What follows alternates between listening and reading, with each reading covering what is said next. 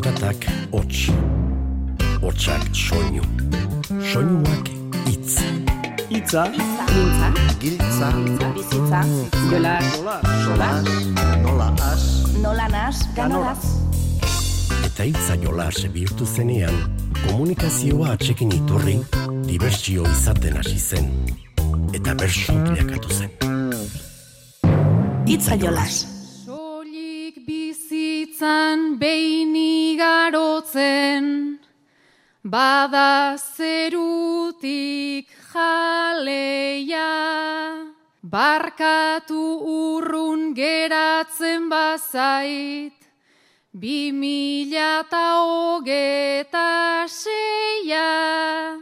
Kilbilen uma zurman ze argi, Goenkalen Maria Luisa Galardi eta Star Warsen leia.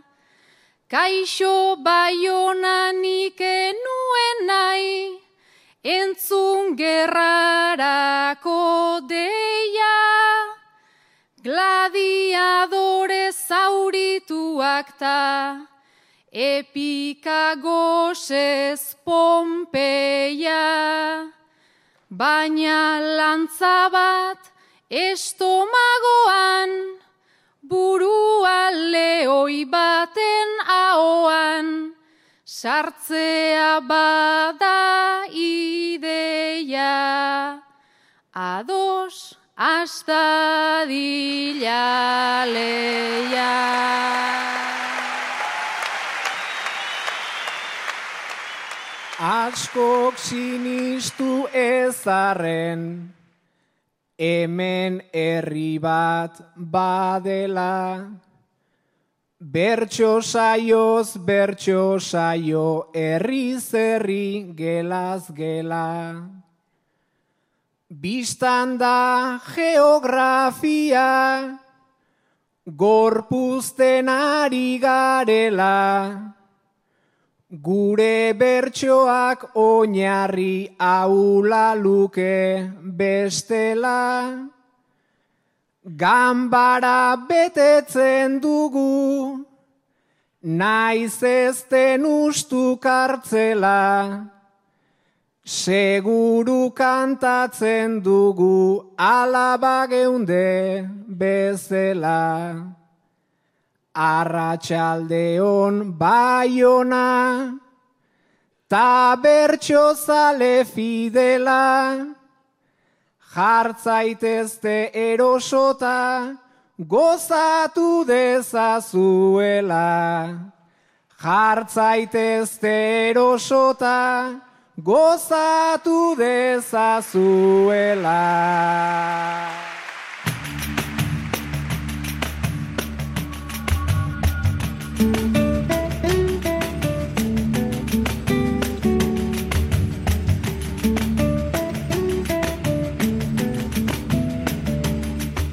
Iaia atzera kontaketan murgildu gara. Abenduan murgiltzeaz batera, Euskal Herriko Bertsolari Txapelketa azken txampan sartu baita. Baionakoaren ostean Bilbon izango da azken final aurrekoa, eta hori jokatuta, jakingo da, nortzuk izango diren, bi aste barru, Iruñako finalean Maialen Lujanbiorekin batera, holtzan izango diren bertsolariak. Hori jakin arte baina, baionakoa errepasatzeko bat arte hartuko dugu, antxe izan zen oraingoan ere Euskadirretiko mikrofono gorria, eta hango lekukotza ekartzen ere saiatuko gara. Konti horiek guztiak eta gehiago ditugunez, az gaitezen ba.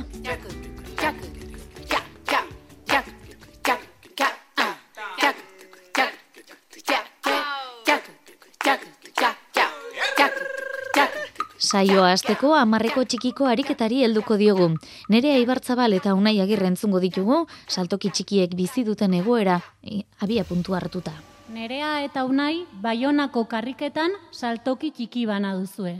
Nerea, Unaik erran dizu salmentek bere horretan segituz gero, urte bukaeran bere saltokia itxiko duela.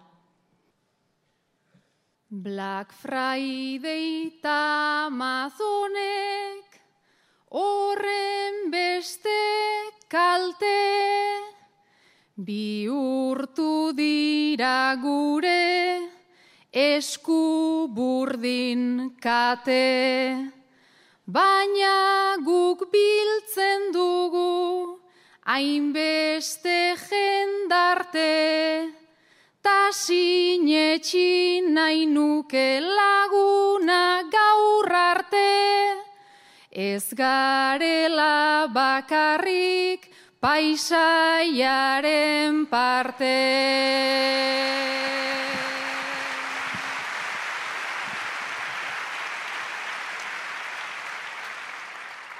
Baina horrela urterik ez liteke josi, jateko behar ditut, nik amaika dosi. Gure etxetan nola, lentejak egosi, jendearekin badet, hainbeste jelosi, txikia famatuta, haundian erosi.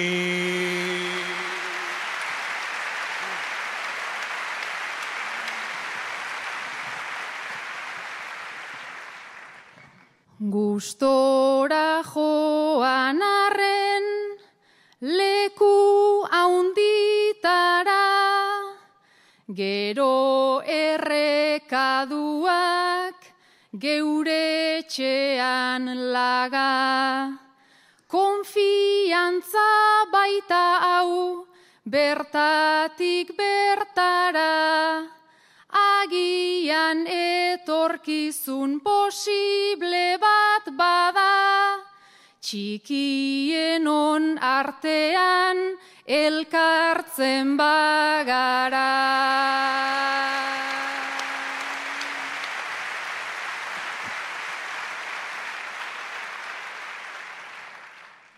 Orain mingainetikan, nahiko aldit tira, hemen jarri zatzaizkit, aurretik begira.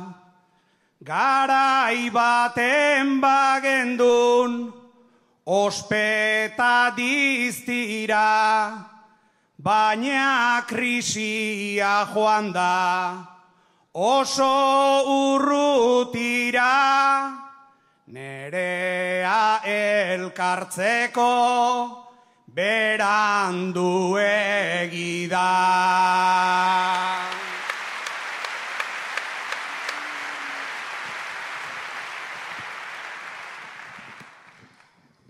Badakit badauzkagu mila desengaino, hortzi mugan guztia, lambrota belaino.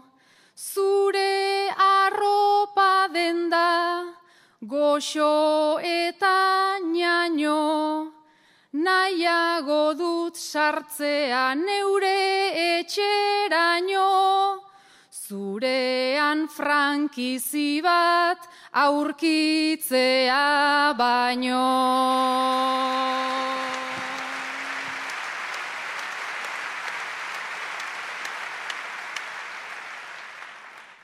Baina ni jarraitzeko gaurre naizka pasa, norretorriko zaigun hartu dezu traza.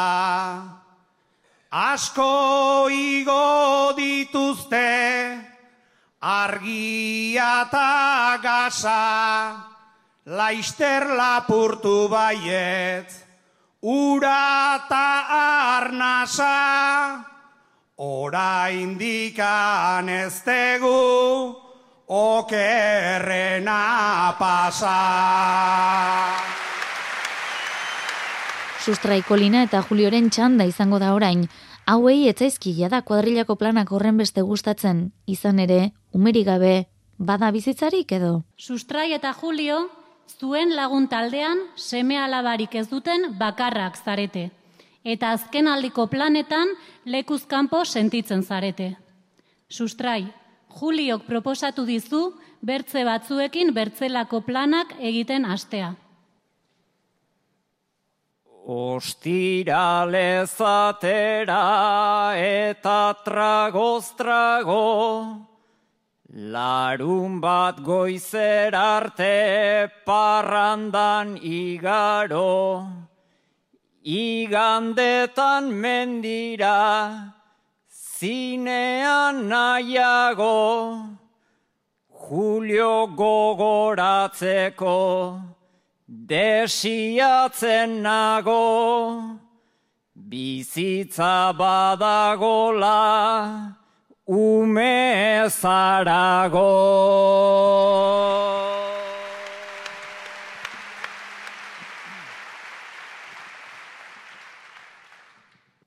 Ongi etorri sustrai, behin gozorainera, Ez tete ez dodotis eta ez bainera. Zeitz ekarri ez dakit inoiz mingainera. Talde honetan noa minetik minera. Errukiz begiratzen digute gainera.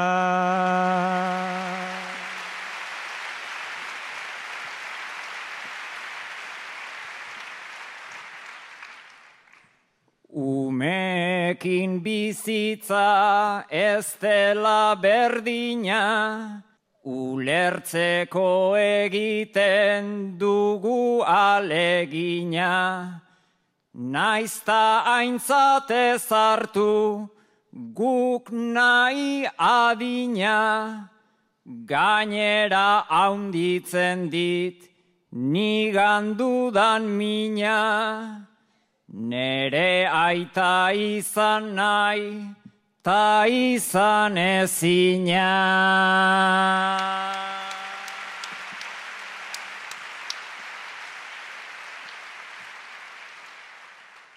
Nik ere ez nekien, ta hasi naizkezkatzen, horri erantzun goxo, goxo bat prestatzen. Ara ume kontutan lehen ere alazen, ondoan gauden hoiek aitortzera guazen, besten minaz sarri ez gara oartzen.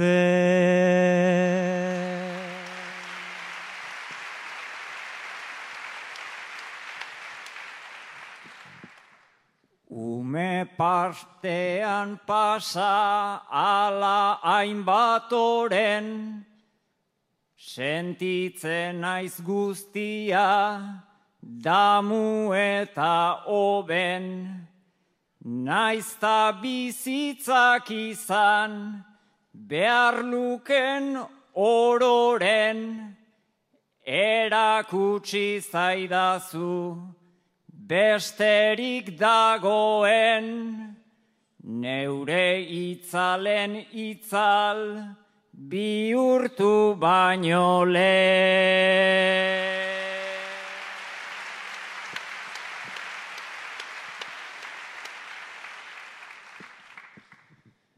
Zure itzalen itzal, bihurtuzkero ai, Inguratu zerutik baiet laister bisai, alda ditzagun lagun talde eta paisai, txampon beraren bialde juliota sustrai, zuke zinekarrita nik berriz ez dut nahi.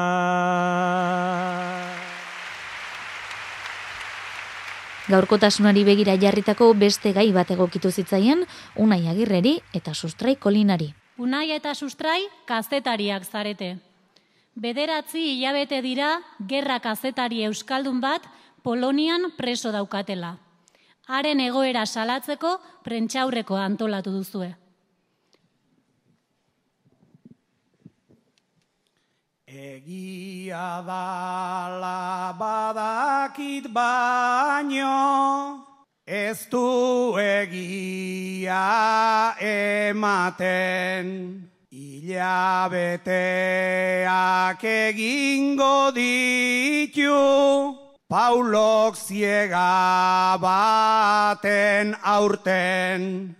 Bisita justu justuak hartuz, antxe dago zulo baten, danak dakite nola dagonta, inork ez du deus esaten.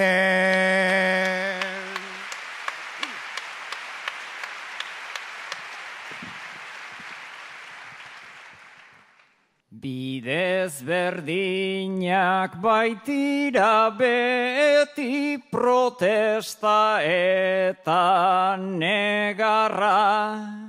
Horre ez aldaukagu biak ustartu beharra. Naizta egia ez den izaten, gerran hiltzen den bakarra. Kazetari bat bada albiste, beti da notizitxarra.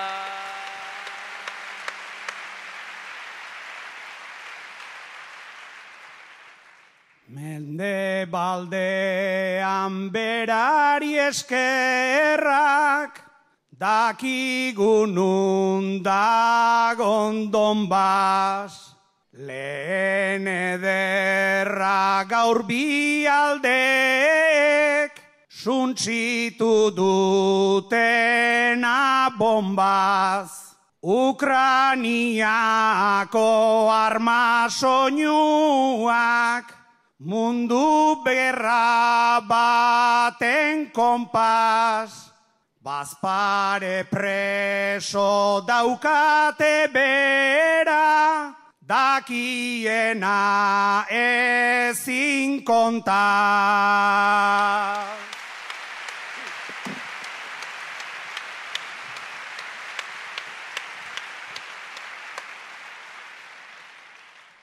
Aldapan bera bidali zuten etzen bakarrik labaindu. Behatzi hilez dago kartzelan, abaildu eta abaildu. Ingurukoak ezin ikusi, gertukoek ezin zaindu, eta gasaren garestitzea bakarrik inporta zaigu.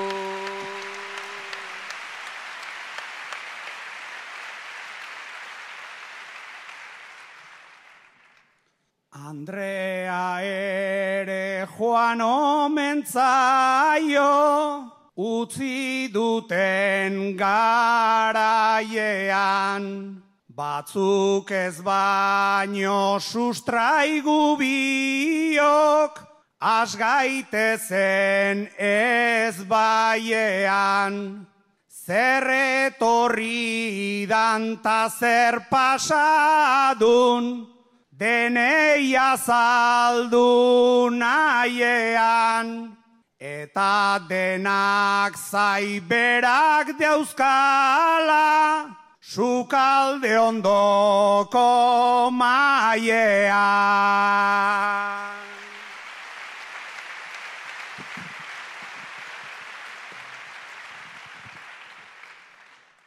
Austea bada ezinezkoa eusteko galtzak betelan, Tala personak igatzen dira denboraren pasarelan.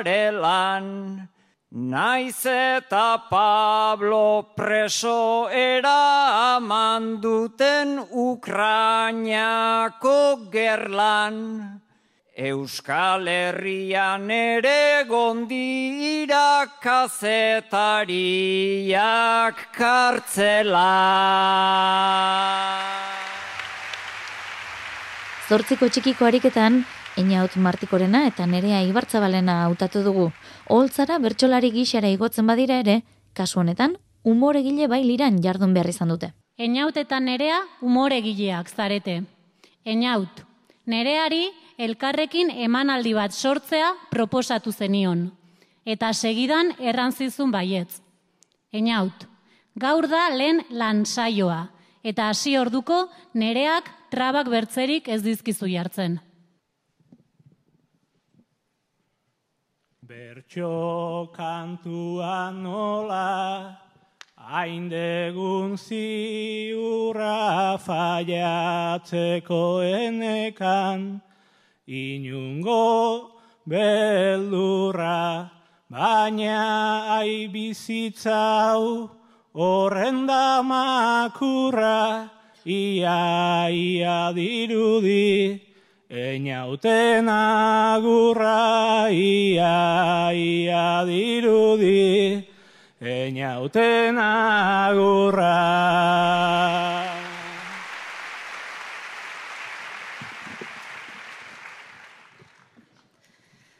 Einauten agurrori obeda aparta naizta abiadura, Baduzun aparta einaut oltza gainera, erdi zarataka argia piztu aurretik, igotzen zarata argia piztu aurretik, igotzen zarata.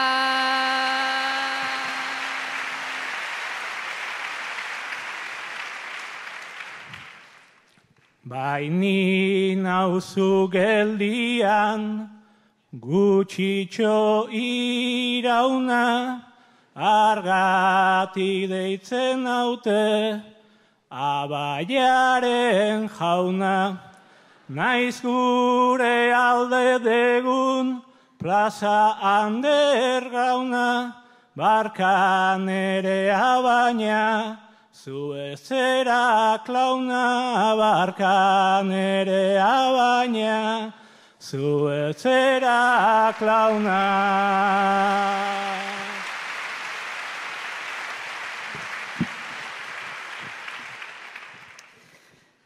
Nik zure mailakoa izan nahiko nuke umorerako txispa, Argi eta txute baina tarte handia dago bion trukezuk ahoa zabaldu ta barreiten dute zuk ahoa zabaldu ta barreiten dute.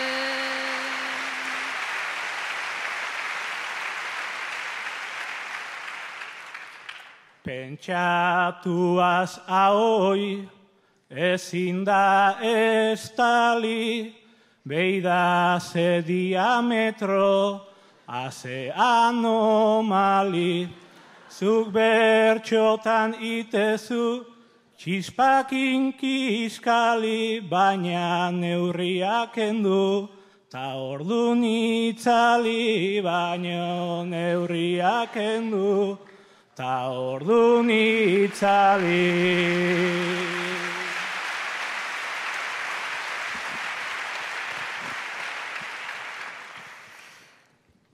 Ba penalitzateke itza itzaltzean pozik nago ahoa, biok zabaltzean erabil nazakezu, Bentriluko antzean ni ipini aurrean, eta zu atzean ni ipini aurrean, eta zu atzean.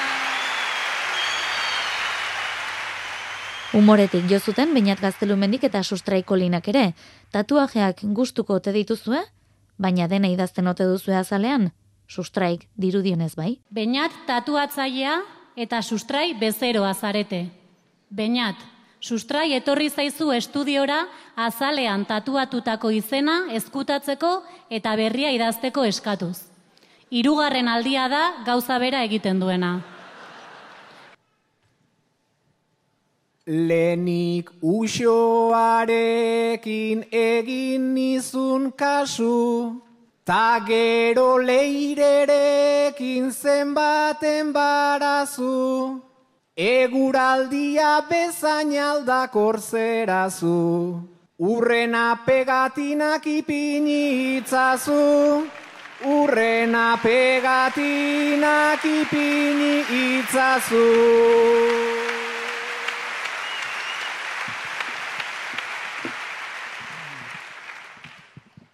Maitalei pegatzen natzaie jotasu, gehiegi iritzita gero kasu-kasu, kendu ezazu leire eta malen jarzazu, behintzat berapen bat egingo didazu.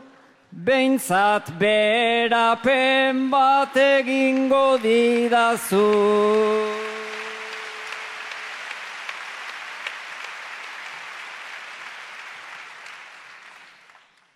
Berapen garaia jadago pasea, lentatu atu nizun ipurdi atzea, bizkarra eta bularra nolako klasea, nahi alduzu urrena kopetan jartzea, nahi alduzu urrena kopetan jartzea.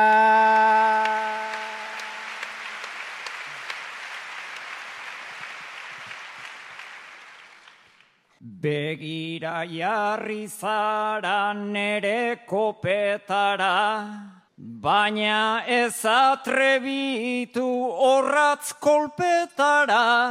Bizi baina izizenak jarri ta ezaba, maitasunean azal gogorra behar da. Maitasunean azal gogorra behar da.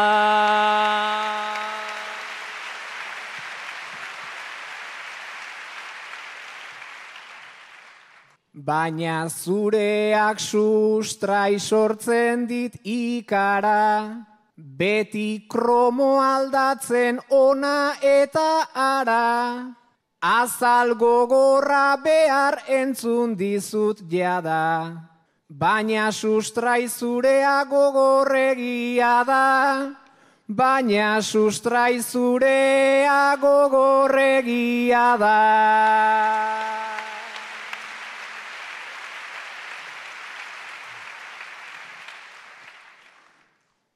Ipurdita bularrei naiz egin fereka, arren pakean utzi zaidazu kopeta, taitzaidazula egin burla ta iseka, zure negozioanik mantentzen dut eta, zure negozioanik mantentzen dut eta.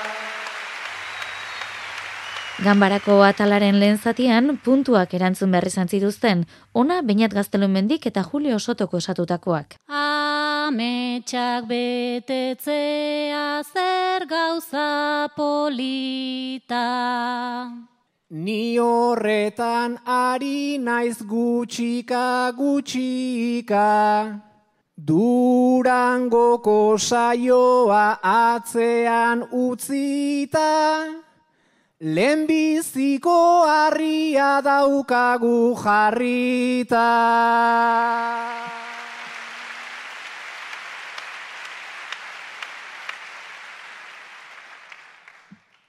Eta hoxe bigarrena. Zerra mesten zenuen aurra zinenean. Euskal Herri aske bat bere onenean. Euskera ardatzean ta dena ordenean. Ea kumplitzen ote dugun azkenean.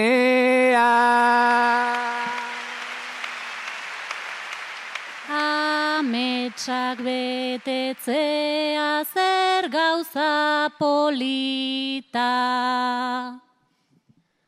Ametsa izaten da gau ezibilita, baina neri egunez etorri zait zita, ta egin nahi dut ona iritsita.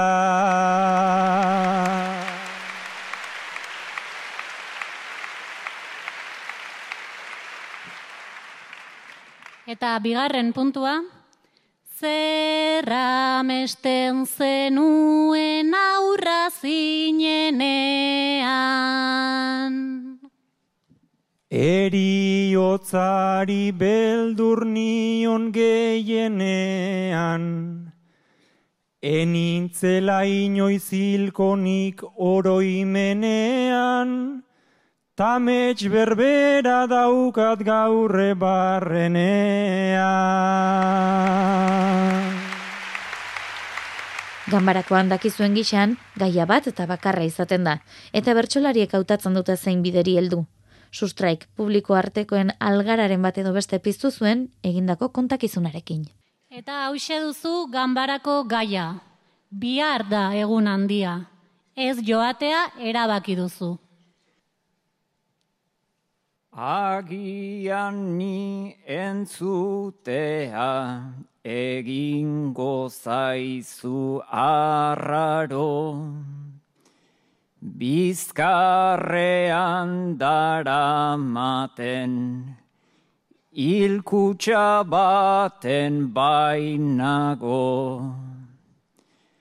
Familiko bazkaria, Bihar genuen ta klaro, lehenagotik ere nengon, preso hartu ta zearo, dena ez denez konpontzen, txuletarkume ta ardo. Mundu ontatik joan naiz, neure senta, neure garbo. Minau jasatea baino, libre izatea nahiago. Bizitza antzerkia da, ta eriotza gehiago. Bizitza antzerkia da, ta eriotza gehiago.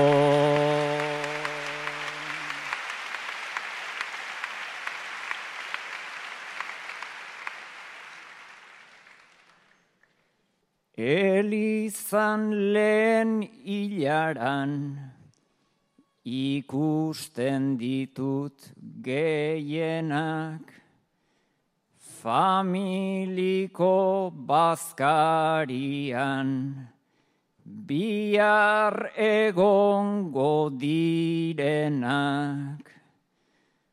Kompartituko aldituzte, euren minta sentipenak, konturatu familian, sortzen direla problemak, naizta liberazio bat, ekarri azken orenak, susmoa daukat nerekin, joango direla denak. oroitzapenen damuak, damuen oroitzapenak, sentitzen nituenak ta kontatzen ez nituenak. Sentitzen nituenak ta kontatzen ez nituenak.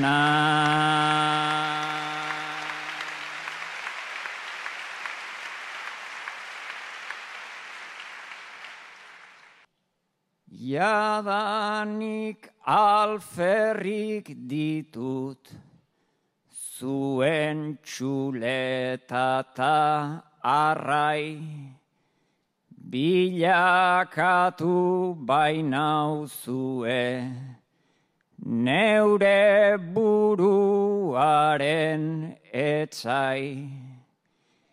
Elizan agurtzeraino, Naiz eta nik enuen nahi, nonbait oiturak bigarren, azala izaten darrai, ikusten ditut otegi, txibiteta etxe garai.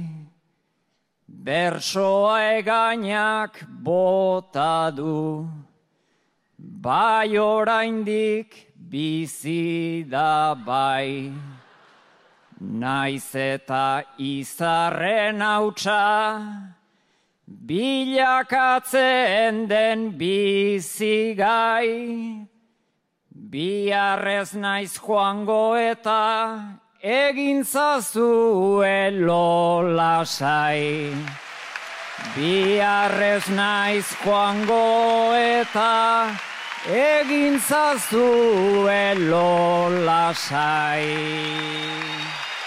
Дякую. Дякую.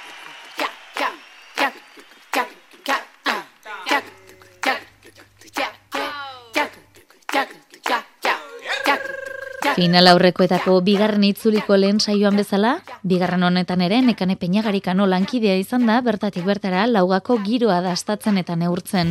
Baina ez hori bakarrik, epailen lana nolakoa izaten den jakiteko ere probestu zuen Martin Aramendirekin egin zuen solasean. Eta beste kazetari batzuen jarduna ere ezagutu zuen Ramon Kristirena hotzetik. Epaimaikoa zazpi lagunek osatzen dute, zuzeu zortzigarrena, baina esari gabe, inguruan, Martin Aramendi. Bai, gu, bueno, ordezko izendatu gaituzte, baina gabiltza ordezko baino gehiago Euskat laguntzen, ba, beharren ba sortzen bada erantzun, epailen epaia idazkariei eraman eta holako lanetan. Epaile epaituak? Bai, beti, beti. Hemen ofizialak gaur zazpi izango dira, baina extraofizialak edo ba, bakoitzak, eh, bersozale bakoitzak darama bere epailea barnean. Eta batzutan haien iritzia zuei ere iristen zaizue, ez oso gustoko kritika eginez? Ba, saiatzen gara kasu gehiegi ere ez egiten, eh? ba, badakigu honek nola funtzionatzen duen, ja urte batzuk badara matzagu. Honena izaten da, ba, gutxi eipatzea eta hori izaten da, ba, ondo doan seinale, eh? baina beti ez da horrela izaten. Eta urten aipatua ere izan da irungo saioa. Bai, bai, ba, hori hor daukagu, beste bersoaldi eta beste saio batzuekin batera, ba, gorriz markatuta, e, txapelketa bukatzen denean, aztertzeko. Bai aurretik eta bai ondoren lan eta azterketa handiak egiten dira, berriz puntuatzen dira, berriz eztabaidatzen dira eta aurrekoak badu erremedioa, baina ondorengoak ba, ez du erremedio horik izango, baina bueno, balio dezala ba, urrengo txapelketetarako zuzentzeko edo hobetzeko. Epaileen artean irizpideak denok batera erabakitzen dituzue. Zenbateko taldean? Ba, irizpideak ja e, 2005etik nahiko ezarrita daude, eh? Ba, 2005eko hoiek txapelketa txapelketa doitzen edo moldatzen joan gara pixkat, baina esan dezagun oinarria ordukoa dela, eh? Eta hor ba, denborak zehaztu dira eta holako nabardura batzu sartu dira, baina Oantxe bertan taldea, epaile taldea, Euskal Herrikoa berrogei lagun inguruk osatzen dute. Eh? Lehenengo fasean zazpiko talde bat aritu zen, final aurrekoen lehenengo zatian edo lehenengo gaur saioetan beste zazpikote bat, eta oraingo bigarren fase honetan, final aurrekoen bigarren fasean, beste zazpiko bat.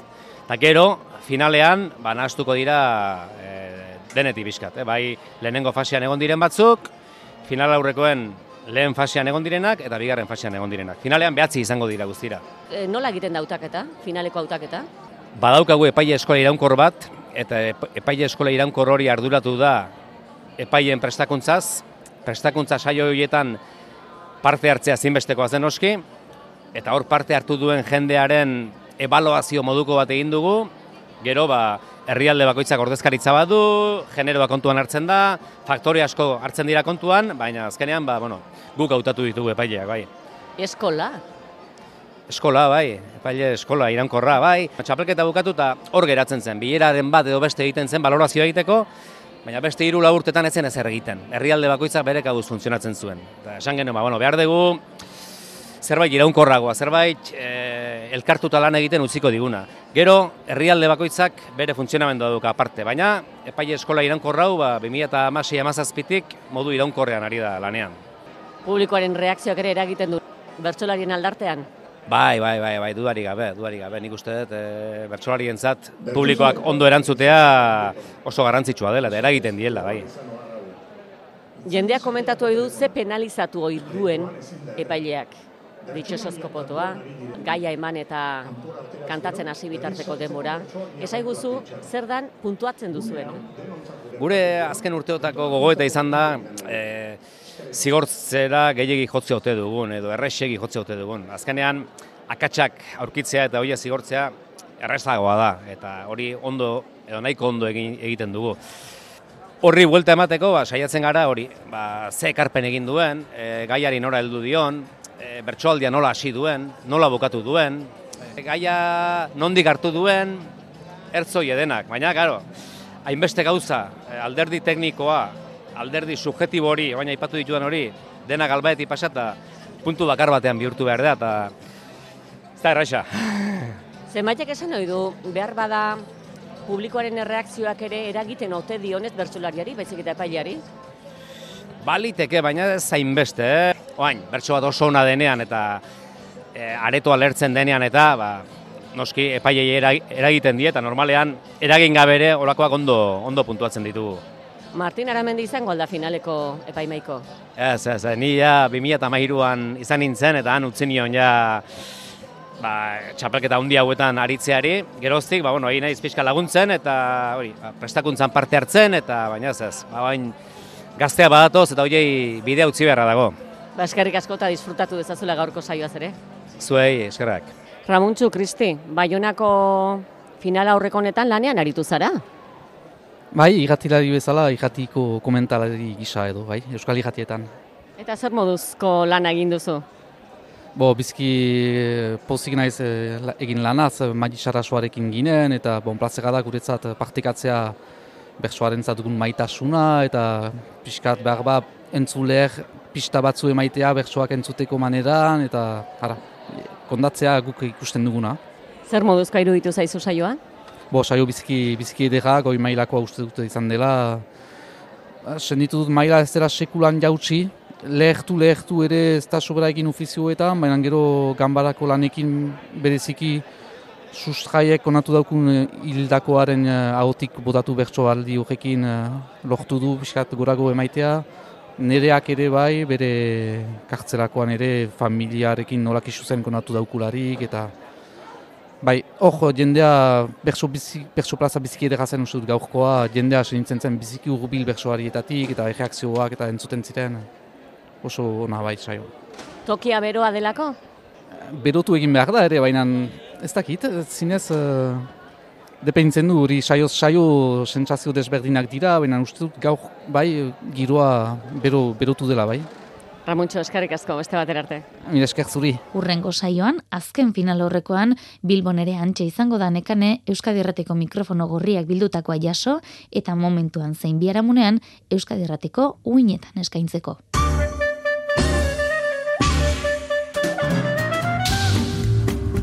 Azkena Jon Mendiluzek bainat mate osi luzatu zion bederatzikoa, eta bain, jaso dugu honen erantzuna, entzun dezagun ba?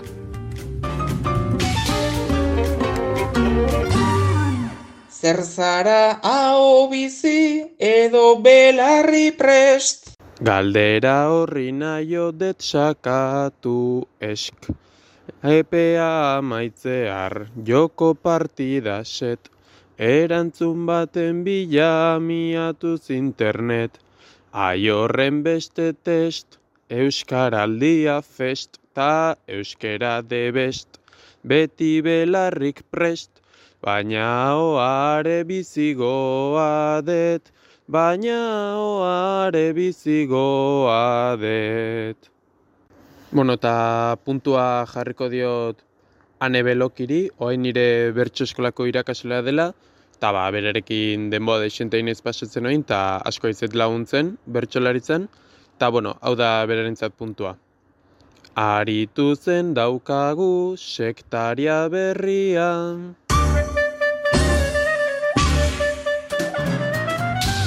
Urrengoan espero dugu, ane belokiren bederatzikoa.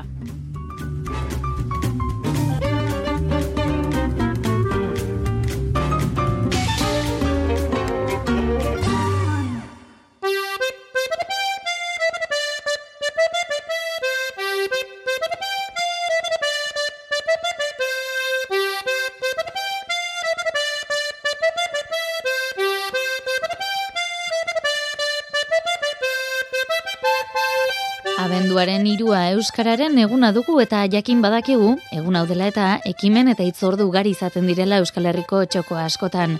Ba, aste honetan ezagutu dugu, bertsolariak tartean izango dituen ekimen berri bat, Bilbon museoetako gidari lanetan jartzekotan baitira. Gidabira, gure museoak bertxotan izeneko ekimen aurkeztu dute Bizkaiko Foru Aldundiak eta Azkue Fundazioaren Euskararen etxeak. Ia zabian jarritako ondarea berbetan ekimenaren nolabaiteko jarraipena da eta gaur biharretan egingo da Bizkaiko Foru Museo eta Aretoetan. Juan Ramon Martiaren alankideak emango dizkigu xetasun gehiago. Bizkaiko Foru Museo eta Aretoetara bisita gidatu bereziak dira gidabira ekimenak proposatzen dituenak. Zer zergatik bereziak bagida arrunten ordez zazpi bertsolari izango direlako biziten arduradunak. Ondare materiala, museoak eta bertan ikusgarri dena, ondare inmaterialarekin, bertsolaritzarekin uztartzen dituen ekimena da. Lorea Bilbao Bizkaiko Kultura Diputatua. Lortu nahi duguna da, jenteak osatzea gure ondare materialaz, eta gure ondare inmaterialean, Euskarari lotutako ondare inmaterialean, ezanguratzuen eta ezagunen garen disiplina hortaz, bertsolaritzaz. Horrela, egingo duguna da, biak ustartu eta biak balioan jarri. Gure museoak bertzotan, horixe da, ere egingo duguna. Bertsolariak egingo da bena da, gidatu. Ondarean murgiltze hori gidatu, baina bertsolaritzaren bitartez. Hortaz, bertsolariek haien ekarpen oparoa egingo diote bizita gidatuetako ohiko gidarien diskursuari eta bizitariei ondareren bestelako ikuspegi bat erakutsiko diete Euskara erdian jarriz. Jordana Akasuso, Azkue Fundazioaren zuzendaria. Bertsolarietaz baliatu nahi gara, gure ondarea bestera batera transmititzeko. Hau da, begirada berezi bat eskaintzeko, proposamen kultural erakargarri bat egiteko. Gure museo eta erakusguneetan ohikoak diren bizitak aprobetsatuz, bizita berezi bana eskainiko dugu eta bizita horrek balio erantzi bat izango du. Eta balio erantzi hori bertsolariak eta gonbidatu bereziek eskainiko dute. Besteak beste, Balmasedako Lainkartada Fabrika Museoan, Bermeoko Arrantzelen Museoan, Bilboko Arkeologi Museoan eta Ondare eta Rekalde Aretoetan, eta Gernikako Euskal Herria Museoan egingo dira gidabirako bizita gidatu bereziak. Ibo Najuria, Aitor Etxeberria Zarraga, Oiana Bartra, Ander Elortegi, Imanol Uria, Miren Amuriza eta Jone Larrinaga arituko dira gida lanetan. Jogurina Borobak, Bartra lagunduko du igande guerdiko amabitan Rekalde Aretoko bizitan eta Olentzerok eta Mari Domingik berriz, ajuria, muskizko, elpobalekoan. Bizita gidatuetan parte hartzeko izena egiman beharko da. Horretarako ezinbestekoa da museo edota areto bakoitzarekin harremanetan jartzea. Informazio guztia bizkaikoa.bizkaia.eus eta euskararen etxea.eus webgunetan.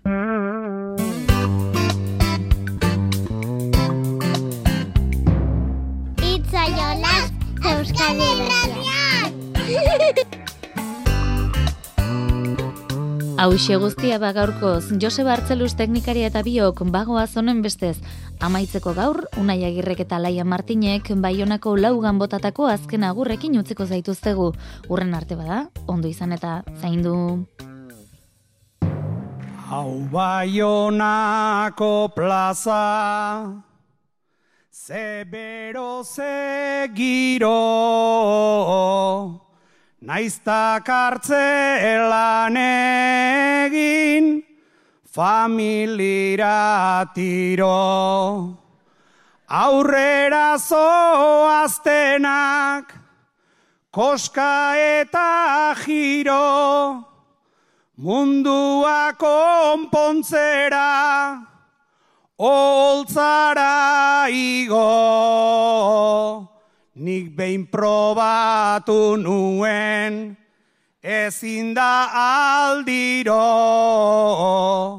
eta entzule zuri, eskerrak berriro. Tira baionalen agurretan, gerlari diruditenak, Izaten dira auleziak, nun gorde ez dakitenak. Loa gosea eta umorea, dauzkat lekutik irtenak. Beste pixkaten luzatzen zaizkit, itolarri sentipenak ze ondo justu hau behar zuen nire nervio sistema.